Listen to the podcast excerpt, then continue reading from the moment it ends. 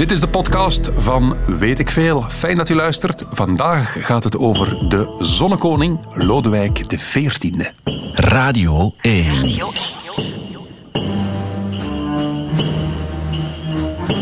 Weet ik veel met Kopen Ilse.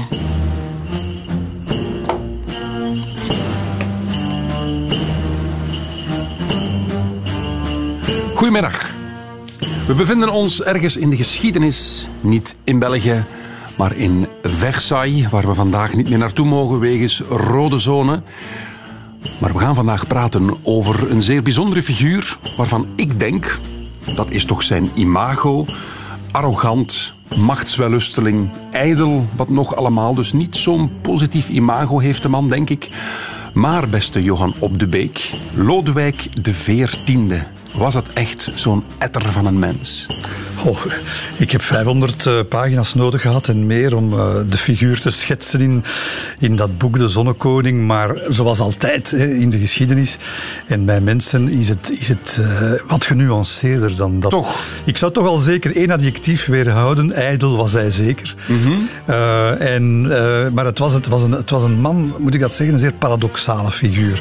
Aan de ene kant was het een machthebber die ongetwijfeld uh, het absolutisme nastreefde, dus de, de, absolute macht voor de koning. Um, en aan de andere kant is dat iemand geweest die de, de, de ramen heeft opengezet voor vernieuwing. Uh, in de kunsten, in de wetenschap. Hij heeft eigenlijk ook kritische denkers toegelaten die, uh, die de zaken op zijn kop mochten zetten en uit het uh, kader trekken van de enge godsdienstige taboes waarin alles zat. En dus dat is, ja, dat is een beetje tegenstrijdig. Hè? Dus die echt een figuur die ook een geweldige toneelspeler was. Een stuk van zijn... Ja, was, ten eerste was hij een groot balletdanser, maar los daarvan was hij in zijn, in zijn dagelijkse omgang met het hof ja, alles was politiek.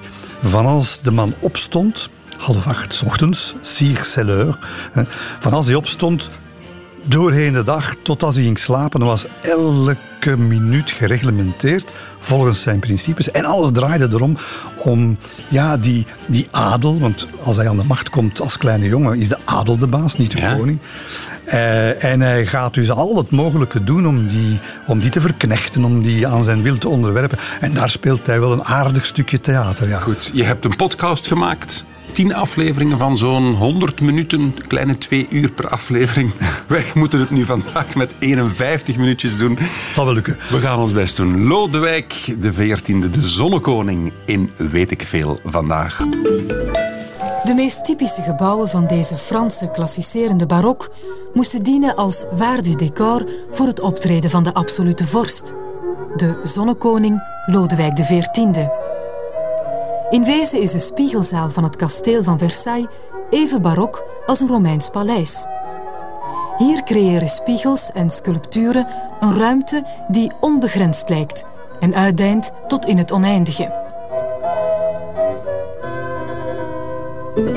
Lang leven schooltv, ook toen al in de jaren 70 ging het over Louis XIV. Natuurlijk, want wanneer is de man geboren, beste Johan? 1638, uh, het is al een half wonder dat hij geboren is, want uh, zijn ouders, uh, dat was toch wel een, een probleemkoppel wat dat betreft. Louis XIII, Lodewijk XIII en Anna van Oostenrijk. Ja, weet je, Louis XIII, dus Lodewijk XIII, die, die was niet voor de vrouwen. En bij gevolg was hij voor de mannen. De mannen, ja. En uh, dus uh, ja, dat leidt tot uh, zeer weinig activiteit in de koninklijke bedsponden. 18 jaar lang zal de koninklijke roede geen thuis geven. en dat is een probleem. dat is een probleem voor de echte machthebber achter de schermen, Richelieu. Kardinaal Richelieu, ook eerste minister, ja, die, die wil absoluut een nieuw Frankrijk maken.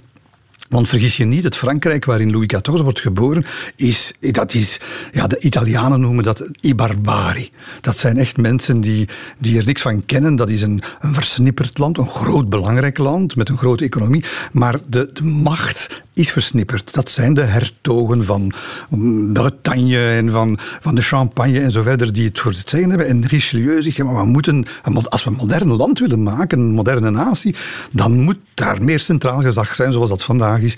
En ja, dat kan alleen van de koning komen natuurlijk. Maar dan heb je een probleem, Richelieu zijnde, als je merkt dat, er geen, dat die twee niet eens een troonopvolger kunnen in de, in de wereld zetten. En dus, ja, mijn boek begint ook met de, de zinsnede aan, de, aan het ontstaan van de zonnekoning ligt de merkwaardige combinatie ten grondslag van seks en een kardinaal. Ola. Ja, niet dat dat nu tegenwoordig zo ongewoon is natuurlijk, maar, uh, maar in, elk geval, uh, in elk geval gaat hij er zich mee moeien en hij gaat zeggen, kijk, uh, beste koning en koningin, het kan me niet schelen welke problemen dat u in uw, in uw huishouden heeft, maar het is uw koninklijke plicht om hier een kind te verwekken. Poepen.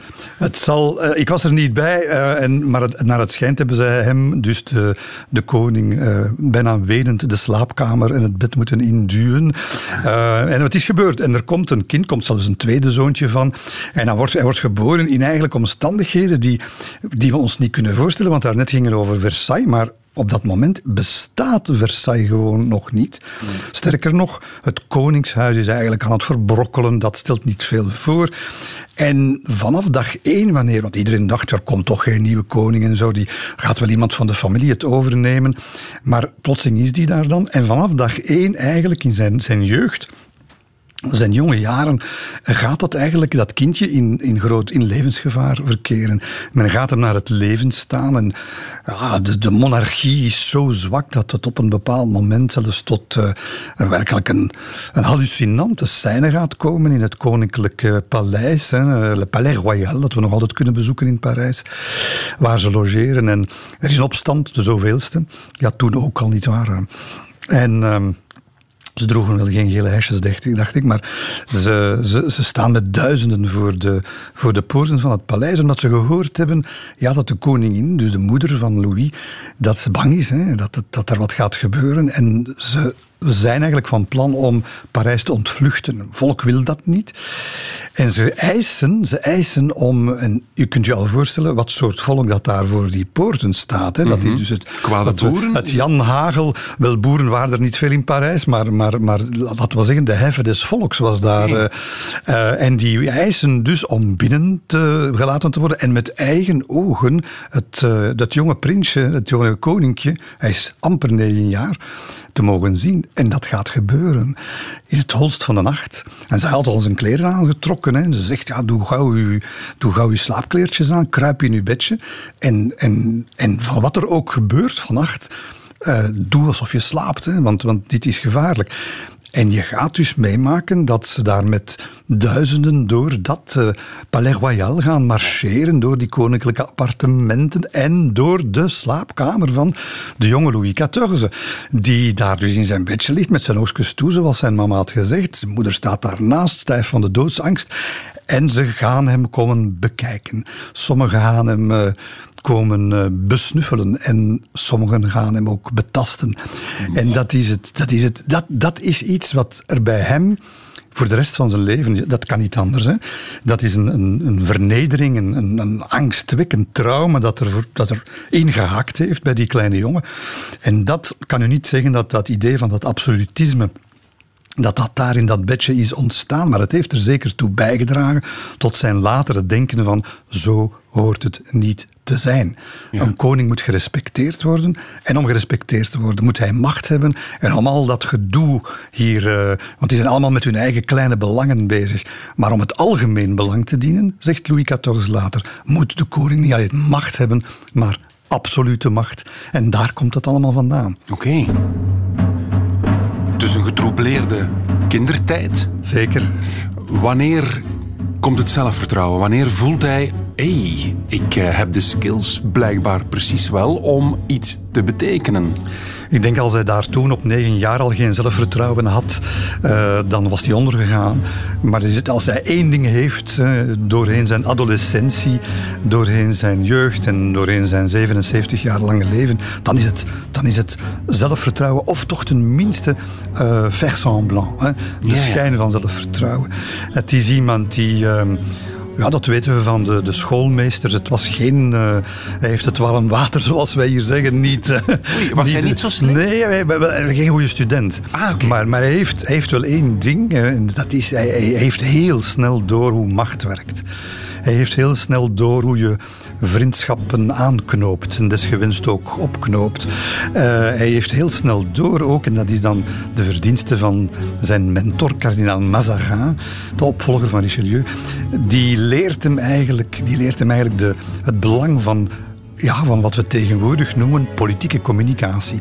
Je kan je geen politiek vandaag ook inbeelden zonder, zonder politieke communicatie. We zijn hier in het juiste huis om daarover te praten natuurlijk. En hij, onder hun twee gaan ze dat eigenlijk gestalte geven zoals dat nog nooit in de geschiedenis gebeurd is. Was het een marketeer, wil je dat eigenlijk zeggen? Wel, het was, het, was een, het, was, het is meer dan een marketeer, het is een, een communicator. Hè. Ja. In die tijd waren er geen media zoals vandaag, uiteraard.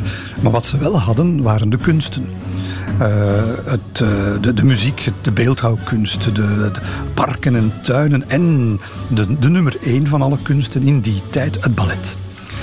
En het, ze gaan uh, onder hun twee, Mazarin en Louis, gaan ze eigenlijk jaar na jaar, en we spreken nog altijd over een jongen van 16, 17, 18 jaar en zo, gaan ze eigenlijk die kunsten aanzwengelen met de bedoeling daar eigenlijk politieke communicatie mee te doen. De verheerlijking van het koningschap, uh, de, de, de, de, rol van, van de koning in het behartigen van het algemeen belang en niet van die particuliere belangen van al die, mm van al die poenpakkers die daaronder zitten. En, en dat gaat hij bemeesteren omdat Louis, toevallig of niet, Louis is een als hij heel jong is, al een knappe vent, zoals we zeggen. Hij is groot en sterk, gespierd lichaam. En hij is, hij heeft, hij is een, een begenadigd balletdanser. Hij, hij is een ster geworden. Hij heeft tot zijn 32e op de planken gestaan. Kun je je dat voorstellen? En elke balletdanser gaat u zeggen wat daarvoor nodig is, wat je daar van je lichaam moet voor vragen om dat te kunnen. Dat is dus een, een kwelling.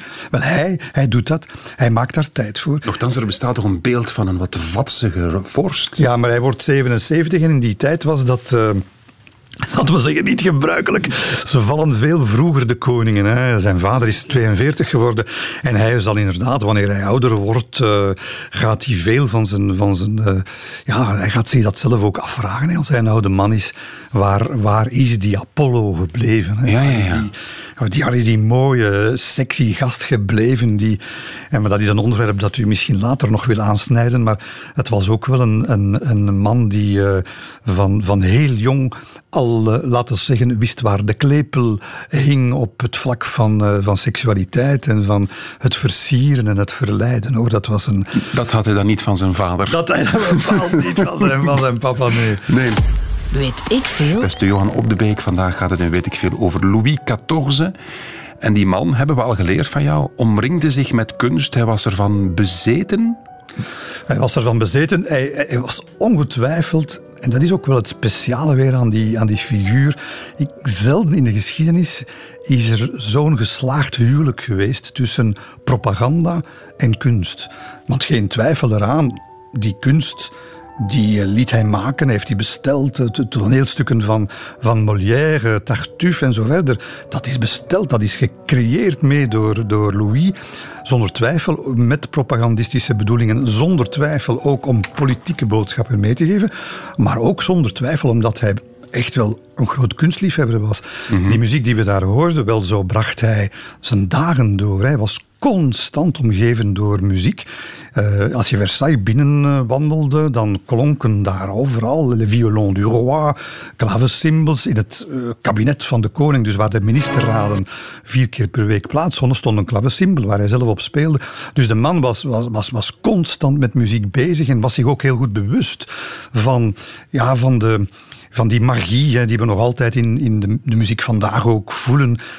De muziek ja, it touches the soul natuurlijk. Mm het, het, er is daar een, een resonantie die, die, die je hart bereikt. En, en hij weet dat en hij, ja, hij houdt daarvan, maar hij gebruikt het ook. Oké. We hebben net gehoord dat de jeugd moeilijk was. Heeft een, op zijn negen jaar zelfs een opstand overleefd tot aan zijn kinderbedje, Ocharme. Hij heeft zich dan samen met zijn metgezel gevormd tot wie hij is geworden. Maar wanneer spreken we over koning? Louis? In theorie, vanaf vijf jaar ben je koning. Maar natuurlijk, hè, dat, uh, dat wordt een regentschap. Uh, kardinaal Mazarin, uh, tegelijk eerste minister. En we zullen er maar bij zeggen, tegelijk nadien tenminste ook de minnaar van zijn moeder. Van, oei, oei. Van, van, van, de moeder van Louis. Ja, ja, dat die, wordt echt nog interessant, ja. Die is een hele, hele, hele slimme, sluwe strateeg die de, ja, toch wel zorgt dat die twee, dus de, de moeder Anna en, en Louis, dat die overleven. Uh, dat die macht van dat, uh, van dat koningschap, dat dat toch niet helemaal ondergraafd wordt. Hij is de mentor van de jonge Louis, uh, kunnen we wel zeggen. Maar Louis is vanaf zijn, vanaf zijn dertiende legt de eet af als koning. En vanaf dan al, jong gastje eigenlijk, hè, vanaf dan al voel je aan alles dat hij... Ja, hij is natuurlijk de mindere intellectueel, de mindere van die, van die geweldige Mazarin. Maar het, het, ja, het vreet aan hem. Hij kan het niet verdragen als hij door zijn raam in het Louvre naar de tuinen van de Tuileries kijkt. En wie ziet hij daar, daar lopen? Ja, die, die Mazarin met zijn lange grijze baard en zijn rood keppeltje en die lange rode mantel. En omringd door het hele hof. Hè. Dus iedereen... Dus hij is de koning, maar...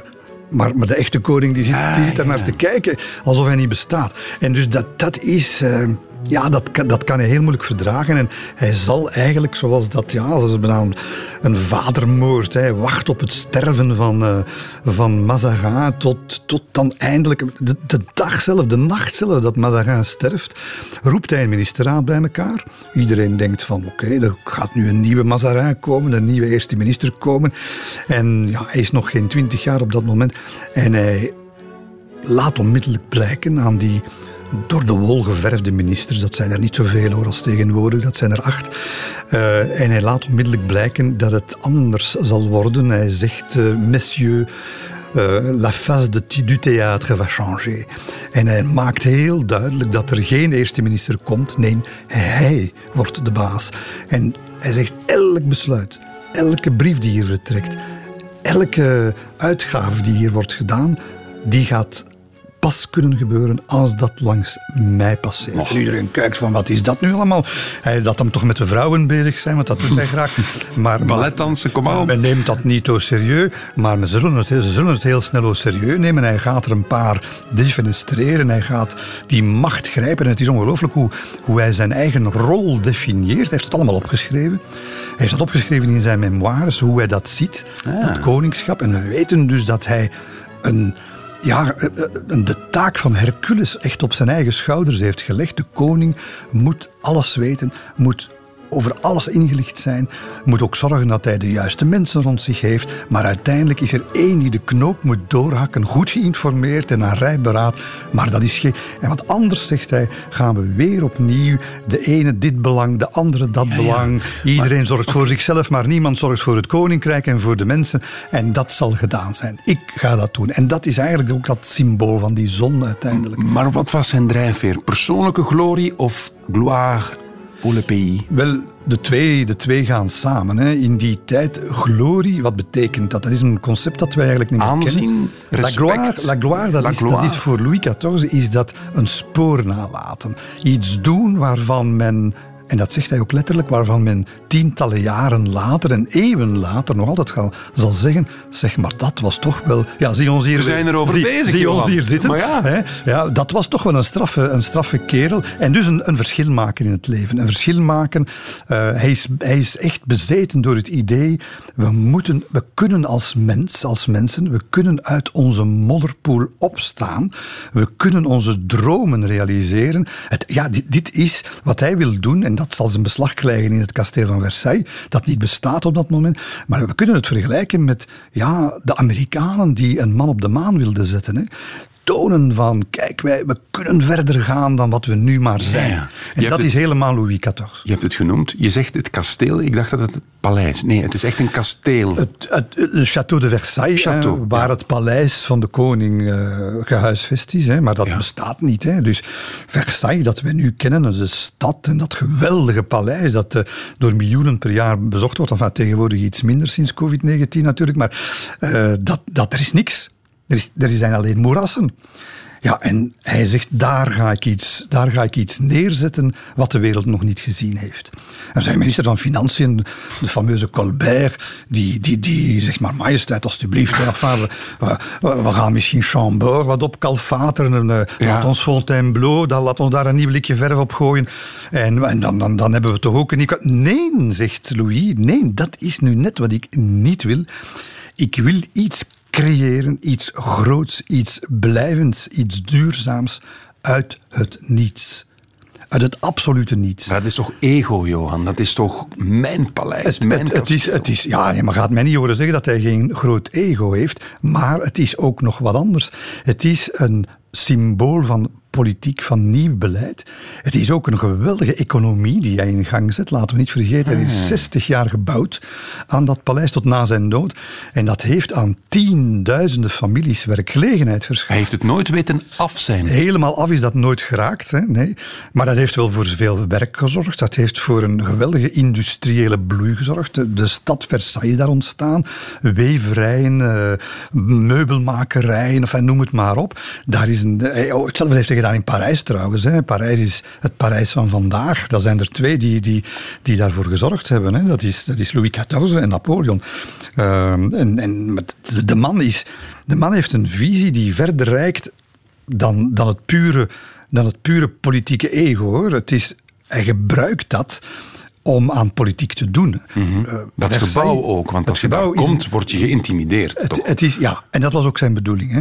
Het gebouw moet, uh, moet de, klassicistisch zijn, het moet uh, die uitstraling hebben van de, van de oude antieken, maar tegelijkertijd wordt het ook een politiek wapen.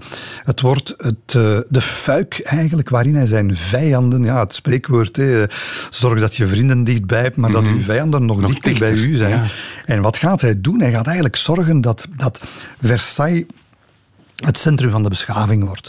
Als je wil weten hoe het juiste Frans wordt gesproken, als je wil weten hoe je je gedraagt in de nieuwe maatschappij, als je de grote geesten van de tijd, de, de intellectuelen, de dichters, de kunstenaars, de wetenschappers, de sterrenkundigen, als je die wil ontmoeten, ja, dan moet je in Versailles zijn. En dus Versailles wordt, wordt de maat van de beschaving en daardoor wil iedereen daar zijn. Als je niet in Versailles bent, als hertog van hè, Bretagne, ja, dan ben je een dikke loser in die tijd. Dus hij woonde niet niet alleen in dat gigantische... Hij wou zich omringen met... Op de duur terwijl er nog gemetst en zo verder wordt trouwens, uh, op de duur zullen daar 7000 mensen wonen. 7000 mensen? mensen, plus dan nog een aantal in de, in de stad.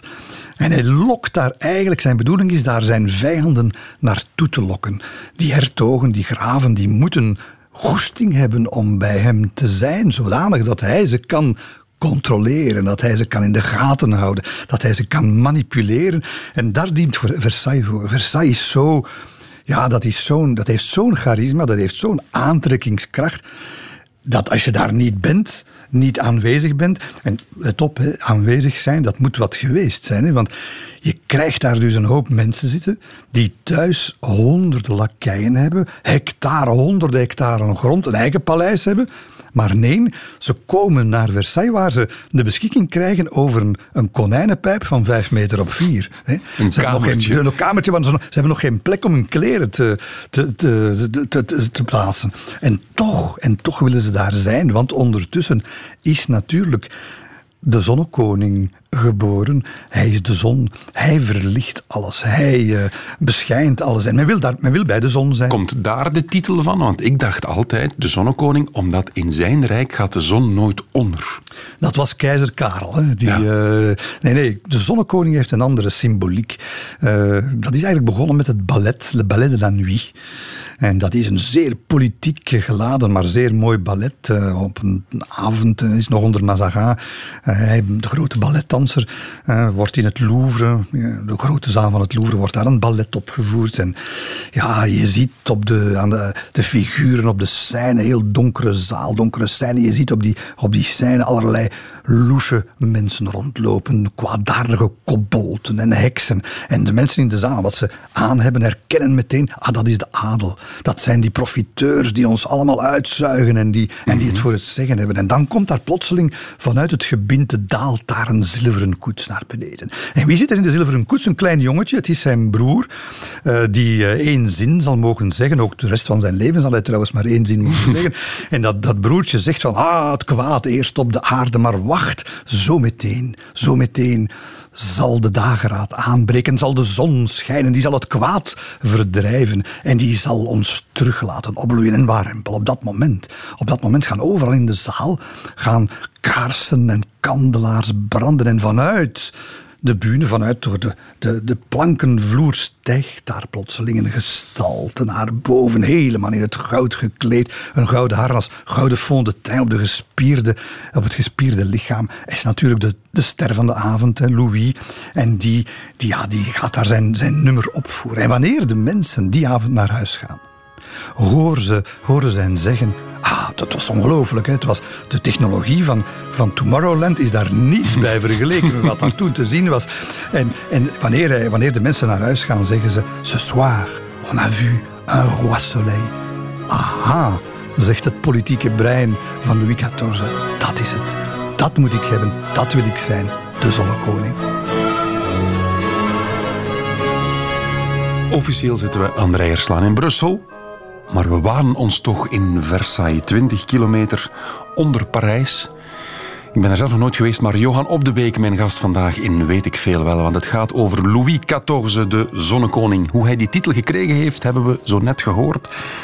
Maar wat blijkt, de man heeft ook een handleiding geschreven om zijn tuin te bezoeken. Hij heeft dat zelf beschreven in, in zijn memoires of in een boek. Hoe zit dat precies? Je, je, moet, je moet, als je het nog niet gedaan hebt, moet je dat zeker toch ooit eens doen. Als, eh, als het allemaal voorbij is, deze miserie. Dat is Versailles bezoeken. En wat je dan gaat zien is, is uh, eh, 100% Louis XIV. Er is in Versailles geen steen op een andere gelegd zonder dat hij daar zijn zegen over gegeven heeft. En vooral die tuinen, want Versailles ondenkbaar zonder die prachtige tuinen, de Franse tuinen. Uh, Le Notre natuurlijk, de grote, de grote tuinarchitect toen. Maar, maar ook daar heeft hij zeer veel aandacht aan besteed. heeft heel vaak daar gewandeld met Le Notre en gezegd, dat we dit niet daar doen. Ja, zegt Le Notre dan, ik heb toch nog, ik zou daar graag een beukenhaag, maar ja, dat is 300 meter. Geen probleem, zegt Louis, laten we dat even uit Bretagne komen. Oh. Ah, kunnen we dan misschien nog ook nog 200 eiken erbij krijgen? Vraagt maar ja. Natuurlijk, dat wordt allemaal... Ja, en zo gaat dat maar door. En dat wordt zo'n fantastisch fantastische, maar dat is, een, dat is de grot van Alibaba in het groen. En dat wordt zo'n fantastische plek. En dat, ja, nog vandaag de dag ben je daardoor begeesterd als je daar rondloopt. En hij zegt, ja, maar we hebben dat allemaal nu zo bedacht, Lenootgen en ik. Maar ik wil ook dat mensen, wanneer ze dat komen bekijken en bezoeken. En ook later, wanneer ik er niet meer zal zijn. Uit het moeilijk hoor, met die idee dat hij er ooit niet meer zou zijn. Maar hij schrijft dan toch wel een boekje. Mm waarin hij letterlijk, en ik heb dat gedaan natuurlijk, hè, met dat boek in de hand van, van Louis XIV, door de tuinen lopen. Ja. En dan hoor je hem, je hoort, je hoort zijn, ik hoorde zijn stem in mijn hoofd. Hè. Nu ga je naar daar. En dan ga je door die laan. En dan zal je zien de fontein van Tritone en Warempel, dat daagt dan plotseling op en je wordt overrompeld, omvergeblazen. Alles is daar gezet en geplaatst en gedaan om indruk te maken, om, om schoonheid te ervaren, maar ook om indruk te maken. Ja, en het, je, je raakt er niet op een dag doorheen. Dat, ja, ik vind dat fantastisch als je dan... Maar je moet dan ook doen wat hij zegt, want hij zegt, als je daar niet geweest bent en je gaat dan niet langs, dit, langs dat laantje, dan ga je niet. Wanneer je gedaan hebt met die wandeling, plotseling dat kasteel voor je opzien doen. Ja, je moet dat doen natuurlijk. Hè. Uh, ik, zou, ik, zou, ik, zou, dat boek niet durven geschreven hebben, zo, met ongehoorzaam zijnde aan Louis XIV. Dat doe je niet. Maar die tuin vandaag is eigenlijk exact zoals Louis XIV het wou? Of... Het is min of meer exact zoals hij dat gedaan heeft. Hij legt daar hele kanalen voor aan. Daar worden, water wordt opgepompt. Maar er is geen water. Hè. Water wordt opgepompt door een geweldige nieuwe machine die hij laat uitvinden van kilometers ver uit een stroom. Hè. Want er is geen water. Ah, nee. Er zijn trouwens ook geen, geen lopende toiletten en zo, maar dat is een ander verhaal. Uh, als je dan naar de wc moet gaan in, eh, in Versailles, ook zelfs vandaag is dat, dat is een kunststukje, maar goed, dat is een andere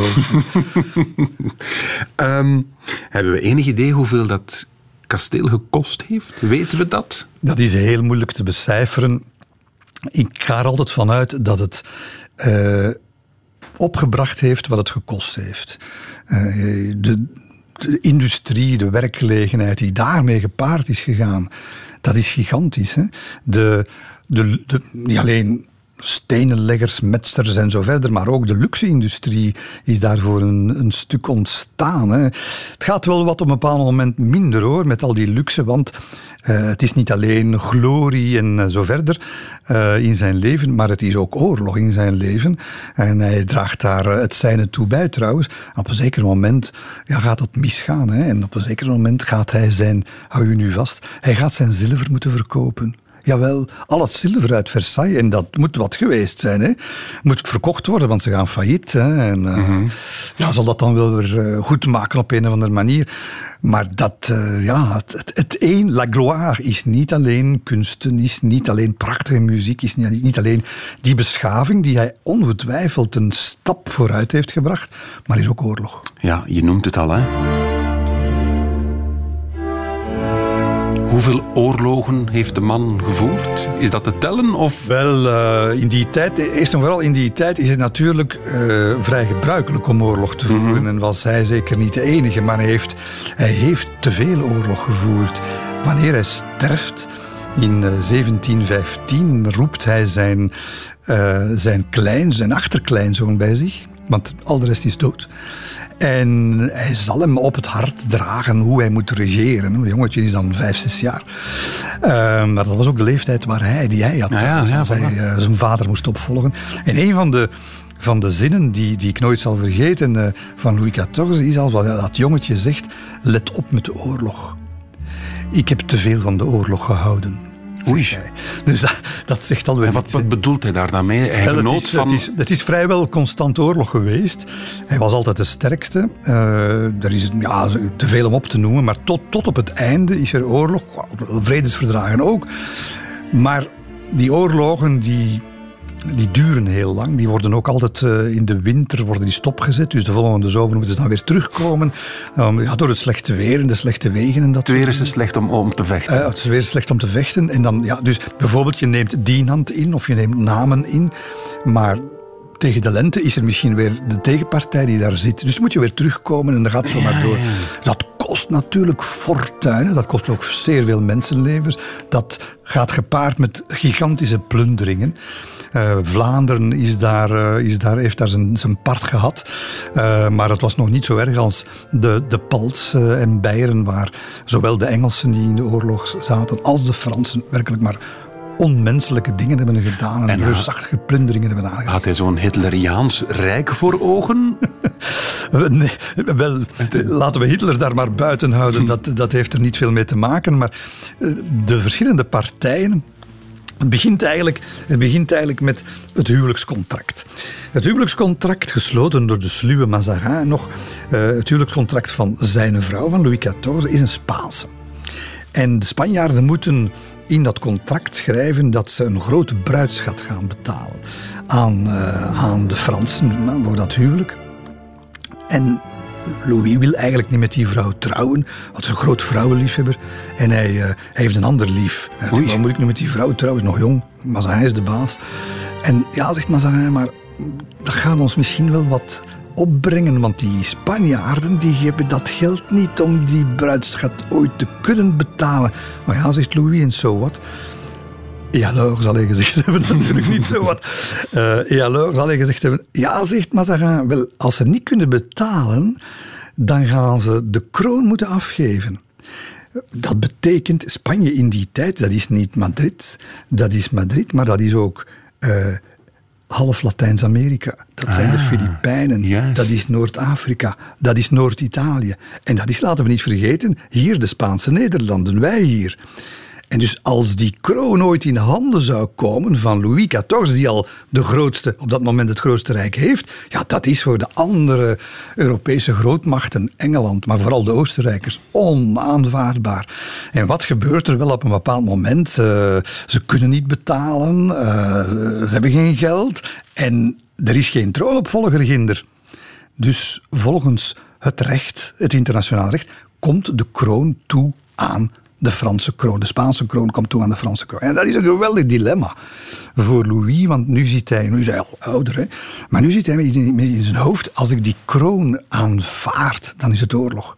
Want de Oostenrijkers, ook Habsburgers, nietwaar, mm die zeggen, ja, hola, wij ook, hè, wij zijn ook wij rechthebbenden van die kroon, groot rijk in die tijd, Oostenrijkers. En de Hollanders, ook niet onbelangrijk in die tijd. Enfin, iedereen in Europa gaat dat niet zien zitten. Met andere woorden, ik krijg oorlog op mijn dak.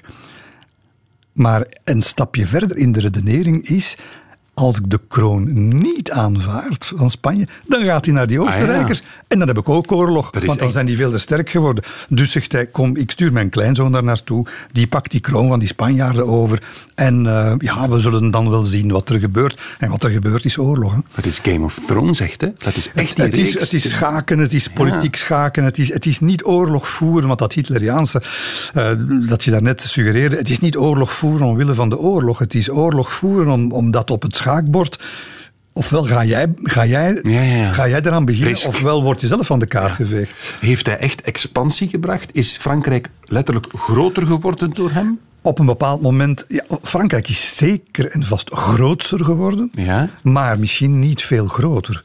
Want ze gaan blijven uh, tot en met Napoleon en zo verder, gaan ze eigenlijk blijven zitten met, met ons.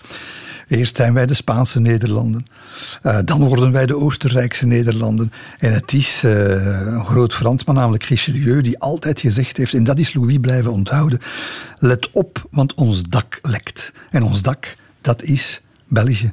Dat is de noordkant van Frankrijk. Daar gaat het gevaarlijk worden. En wat zien we in de rest van de geschiedenis? Het is altijd langs daar gebeurd natuurlijk. In 1686 lag Lodewijk XIV op sterven.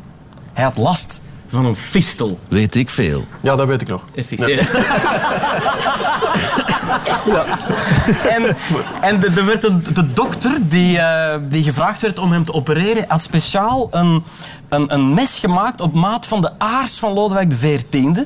Dat mes kunnen we nog altijd bewonderen in het Parijse uh, Musée de l'Histoire de la Médecine. Dan heb je het gemaakt, hè? Ja, en, ja dan heb je de ondergang van Louis XIV. Klopt dat dat hij iets aan de poep had? Ja, de fistel inderdaad. Hè. Hij had van alle zoren. Hij heeft de meest onwaarschijnlijke ziektes gehad. Waar ze in die tijd allemaal van dood vielen gewoon. Maar hij niet. Hij blijft maar leven. Het was een beer van een man. Ja. Was, was van beton gemaakt. En die overleeft mazelen, wat weet ik allemaal, waar iedereen van dood gaat. En die fistel, dat wordt een vreselijke operatie natuurlijk. Maar het is wel interessant, want enkele dagen na zijn... Hij wordt daar twee keer van geopereerd, want de eerste mislukt. Uh, en enkele dagen nadien uh, neemt hij de troepenschouw af. Op zijn paard gezeten. En we weten dat van een van zijn intimie, uh, een maarschalk die dat gezien heeft en die zegt, we zagen hem daar zitten op dat paard, daar rillend bevend als een riet. Dat zweet, zijn pruik, de krullen van zijn pruik plakten in zijn gezicht van het, van het, van het zweet. Uh, maar dat is hij ook. De plicht roept ik ben de koning, ik moet daar zijn, mijn plaats is daar en wat er ook gebeurt, fistel of niet, ik zal dat doen. En dat is hem helemaal een geweldig plichtsbewustzijn. Tot als die man heel oud is en hij heeft een hele nare oude dag gehad, veel ziektes en pijn en jicht en dergelijke, wel zal hij elke ministerraad, het waren er vier per week, blijven voorzitten. Hij zal al die dossiers gelezen hebben en hij blijft beslissen. Ja, ik moet zeggen, ik ken er niet te veel in de geschiedenis die dat klaargespeeld hebben. Is hij tot zijn dood koning gebleven? Absoluut, hè, ja. Koning, koning in die tijd werd dat niet, gedaan. Nee. Nee, nee, nee, nee, Hij blijft tot zijn, tot zijn dood uh, koning. Uh, Want hoe sterf, waaraan sterft hij ja, hij sterft, hij sterft aan gangreen. Oké, okay. oei, amai, ook nog eens. Geen plezante ziekte. Die doodstrijd duurt dan ook nog eens meer dan een maand. Uh, begeleid door allerlei engelenkoren, enfin, uh, echte koren natuurlijk. En iedereen komt hem uh, komt afscheid nemen. Dat is een één tranendal is dat uiteindelijk. Je moet ook weten dat hij geen kinderen meer heeft. Zijn zoon is gestorven. Zijn verschillende zonen zijn gestorven. Zijn, zijn kleinzoon is ook al dood. Die heeft hij moeten begraven en blijft alleen die achterkleinzoon over. Een jongetje van vijf jaar, waar, hij, mhm. waar hij de hoop op stelt. Dat de hoop op dat dat, dat systeem van hem, dat absolutisme, maar die manier om naar de maatschappij te kijken, dat dat bestendigd zal worden. Hij kan zich niet inbeelden dat we naar iets anders kunnen Kan je vragen om het mondmasker iets oh, dieper? ja, het, het, maakt wat lawaai. Ja. Had Louis maar een mondmasker gedragen, dan, zouden we zijn slechte adem niet geroken hebben, want dat Oei. ook nog. Hopla, ook nog. Eh, Een slechte adem, zeg je? Wel, die, die man had een, dat was meer karies dan gebied. Hè, wat hij had. Dat was, eh, hij had een, een geweldige eter. Hè. Eh, Hele, hele vogelpopulaties moesten eraan geloven elke middag. Maar hij snoepte ook veel. Hij had dus heel veel rotte tanden. Er moest een kies getrokken worden op een zekere dag. En kies zonder verdoving, niet waar? Oh. Ja, Uw tandarts doet dat vandaag anders, maar de mijne ook gelukkig. Maar bij hem was dat een fles wijn en dan werd die kies getrokken. En bij het trekken van die kies, rechterboven kies, komt ook het, een stuk, breekt een stuk van het rechterboven kaaksbeen af. Smakelijk. Zo, smid- zo smiddags vertel ik graag zulke, verha- zulke verhalen natuurlijk. Ja. En dat, is, ja, dat zal hem heel de rest van zijn leven eigenlijk ook een beetje mismaakt maken.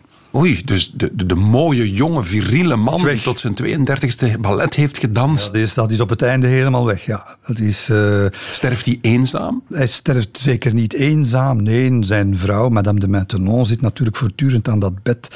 En ja, maar in de gangen staan ze al klaar. naar De haaien en de hyena's om de, de macht te gaan verdelen. Maar hij zegt tegen die arme de Maintenon, die eigenlijk zijn vrouw was, maar in het geheim, hè, want dat mocht niet geweten zijn, zegt hij, Madame, je vous n'ai pas rendu heureuse. Zeg maar dat eens een keer aan je vrouw als je 77 jaar bent en op je sterfbed ligt, nietwaar? Dat je haar niet gelukkig hebt gemaakt. Hij heeft haar niet gelukkig gemaakt, weet dat, ja. We hebben nog twee minuten, beste Johan. Hoe gaan we Louis XIV herinneren? Ja, de herinnering is er, maar die is niet correct. Want ik ben begonnen met te vragen, was het een arrogante ijdeltuit? Maar eigenlijk heb jij bewezen het afgelopen uur dat dat niet zo is. Jij bewondert hem zelfs, hè? Klopt dat? Ik denk dat dat te ver is. Louis heeft, heeft grote fouten ook gemaakt. Hij was, daar hebben we het niet over gehad, maar hij was zeer intolerant. Eh, godsdienst eh, was heel belangrijk. En wie zijn godsdienst, het katholicisme, niet volgde, die moest eraan geloven. Hè. Dus de vervolging van de protestanten, laat staan van andersdenkenden. Nee, dus hij heeft enorme fouten gemaakt. Maar tegelijkertijd heeft hij ook, en het is nooit zwart-wit in de geschiedenis, dat is toch zelden, toch tenminste dat het zwart-wit is. En bij hem was dat niet zwart-wit. Eh, hij heeft ook onze beschaving toch wel wat bijgebracht. Oké. We naderen het einde van deze weet ik veel. Dus dan moet er ook altijd even gecontroleerd worden. En toch wel wat stress vandaag, want die geschiedkundige termen en toestanden. Maar beste Johan, eh, heb jij wat vragen voor mij alsjeblieft? Natuurlijk heb ik vragen voor u. De eerste luidt, eh, en dat, je gaat daar zeker op kunnen antwoorden. Oh, pas op, pas op, pas op, pas op. Waarom was de geboorte van Louis XIV, Louis XIV, waarom was Ah. dat geen evidentie? Leuk, leuke anekdote, want ik wist het niet. Zijn eh, vader was eigenlijk voor de mannen. Zijn vader was voor de mannen. Voilà, 1 op 5. In welke kunstvormen blonk de jonge Louis uit? Dat, eh, balletdanser. 2 op 5. We hebben, ik heb dat veel te, veel te nadrukkelijk verteld. Ik moet u kunnen strikken met de volgende vraag. Lodewijk werd eigenlijk erg oud, zeker voor die tijd. Hoe oud? Ik heb het net verteld. 71? Zeven- 77. We zitten op 2 op 5. Hoe lang duurde de bouw van het Palais de Versailles, de Château de Versailles moeten we? Meer dan 60 jaar en heeft het zelfs nooit afgezien. Ik ga dat goedkeuren. Hoeveel mensen woonden in Versailles? Oh, 4000? 7000? Allee, we gaan dat goedkeuren. Johan, je bent te goed voor nee, het Vier, was... vier, ja, dat, is, dat is wel een heel hoge score, want ik luister soms nog naar uw uitzending en, dan, en dan komt het niet zo ver. Nee, is nee, wel- het is zeer goed Het ligt geweest. aan de verteller vandaag, Johan. Het ligt aan de lesgever. Eh, zeer bedankt voor dit super interessant uur. Check zeker ook de podcast en lees het boek van Johan op de Beek, De Zonnekoning. Morgen over de Oostkantons met Marnix Peters. Maar nu eerst, Ilse Liebes. Bye. Radio 1. Weet ik veel?